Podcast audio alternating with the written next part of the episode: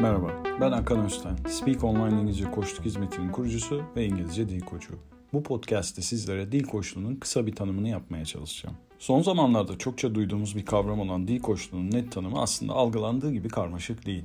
Dil koçluğu tanımından ziyade kimler için uygun olup olmadığının bilinmesi gerektiği bir yaklaşım olduğunu düşünüyorum. Evrensel tanımlamaya bakarsak dil koçluğu öğrenciyle birebir işleyen, onun temel amaç ve hedeflerini esas alan, bunu yaparken de öğrencinin psikolojisini çok iyi anlayıp onun öğrenme davranışına göre içerik üreten ve uygulayan bir sistemdir. Dil koçluğu ayrıca öğrencinin dil öğrenimine bakışını tespit edip onun dilini geliştirmesini engelleyecek yanlış kök korkularını anlar ve en başta öğrencinin bunun farkına varmasını sağlayıp kök korkuları olumlamalarla değiştirip öğrencinin kendine güvenmesini sağlar. Yani her öğrenciyle ayrı çalışmalar yapması öngörülen bir yaklaşımdır. Farklı öğrenme sistemlerinden öğrencinin tarzına uygun olanı alır ve öğrenciye bunu uygular. Ve dil koçları bu yaklaşım ve anlayışın senteziyle hizmet veren uzmanlardır aslında. Peki nedir bu koçluğun hedefi? Şahsi fikrim dil üretim becerilerindeki başarı boşluğunu doldurmaya destek olan uzmanlıktır. Başarı boşluğu ise mevcut performans ile gelecekteki performans arasındaki beceri boşluğudur. Yani dil koçluğu bir insanın şu anda o dilde nasıl performans gösterdiği ile gelecekte nasıl performans göstermek istediği arasındaki fark olan başarı boşluğuna odaklanır. Dil koçluğu diğer koçluklara nazaran yeni bir yaklaşımdır. Bununla birlikte koç kelimesinin kökeninde bile koçluğun neden dil öğrenenleri eğitmek için iyi bir yöntem olabileceğini görmek mümkün.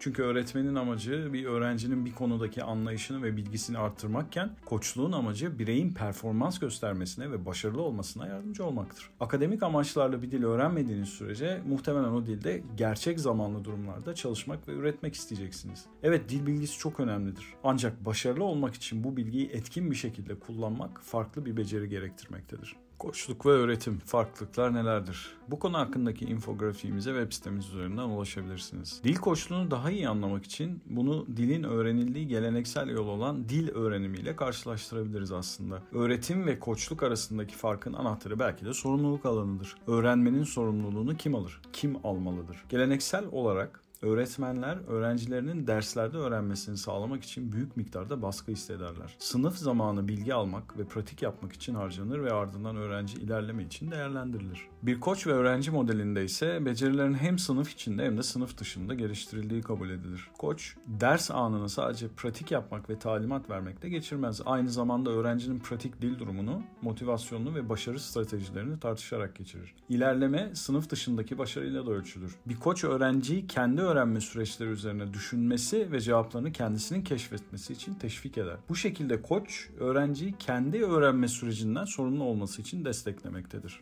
Bunlar iki farklı otorite modelidir aslında. Belki bu modelleri başka bir podcast'te tartışırız. Peki dil koçluğu kimler için uygundur? Dil koçluğundan faydalanabilecek pek çok insan olabilir. Ancak bu yaklaşımdan özellikle yararlanması öngörülen iki grup vardır. İlki bağımsız öğrenciler. Yani öğrenme sürecinin tüm vazifelerini üstlenenler. İnternete ihtiyacınız olan her şeyin mevcut olduğu bu modern çağda birçok insan İngilizce derslerine katılmadan İngilizce öğrenebilir. Ancak bir koç hedefler belirleyerek ve ilerlemeyi ölçerek bu süreci organize etmeye ve yönlendirmeye yardımcı olabilir. Koçluk için uygun görülen diğer bir öğrenci grubu ise üst düzeyler ve yöneticilerdir. Liderlik rolünü üstlenmeye alışkın kişiler belirli etkinlikler içeren müfredatlara bağlı daha geleneksel yöntemlerden ziyade kendilerini bireysel bir program tasarlamak için motivasyon, verimlilik ve performans ilkelerini kullanacak bir dil uzmanıyla daha rahat hissederler. Ana dili olmayan bir dilde çalışan yöneticiler genellikle yüksek riskli toplantılarda, sunumlarda ve konferanslarda görev alırlar. Dil koçluğu öğrencinin dünyasında pratik başarı için destek sunan bu tür etkinliklere ve durumlara da odaklanır. Peki siz ne düşünüyorsunuz? Dil koçluğu sizin için uygun bir yaklaşım mıdır? Umarım keyifle dinlemişsinizdir. Bir sonraki podcast'te görüşmek dileğiyle. Sağlıklı günler. Thank you.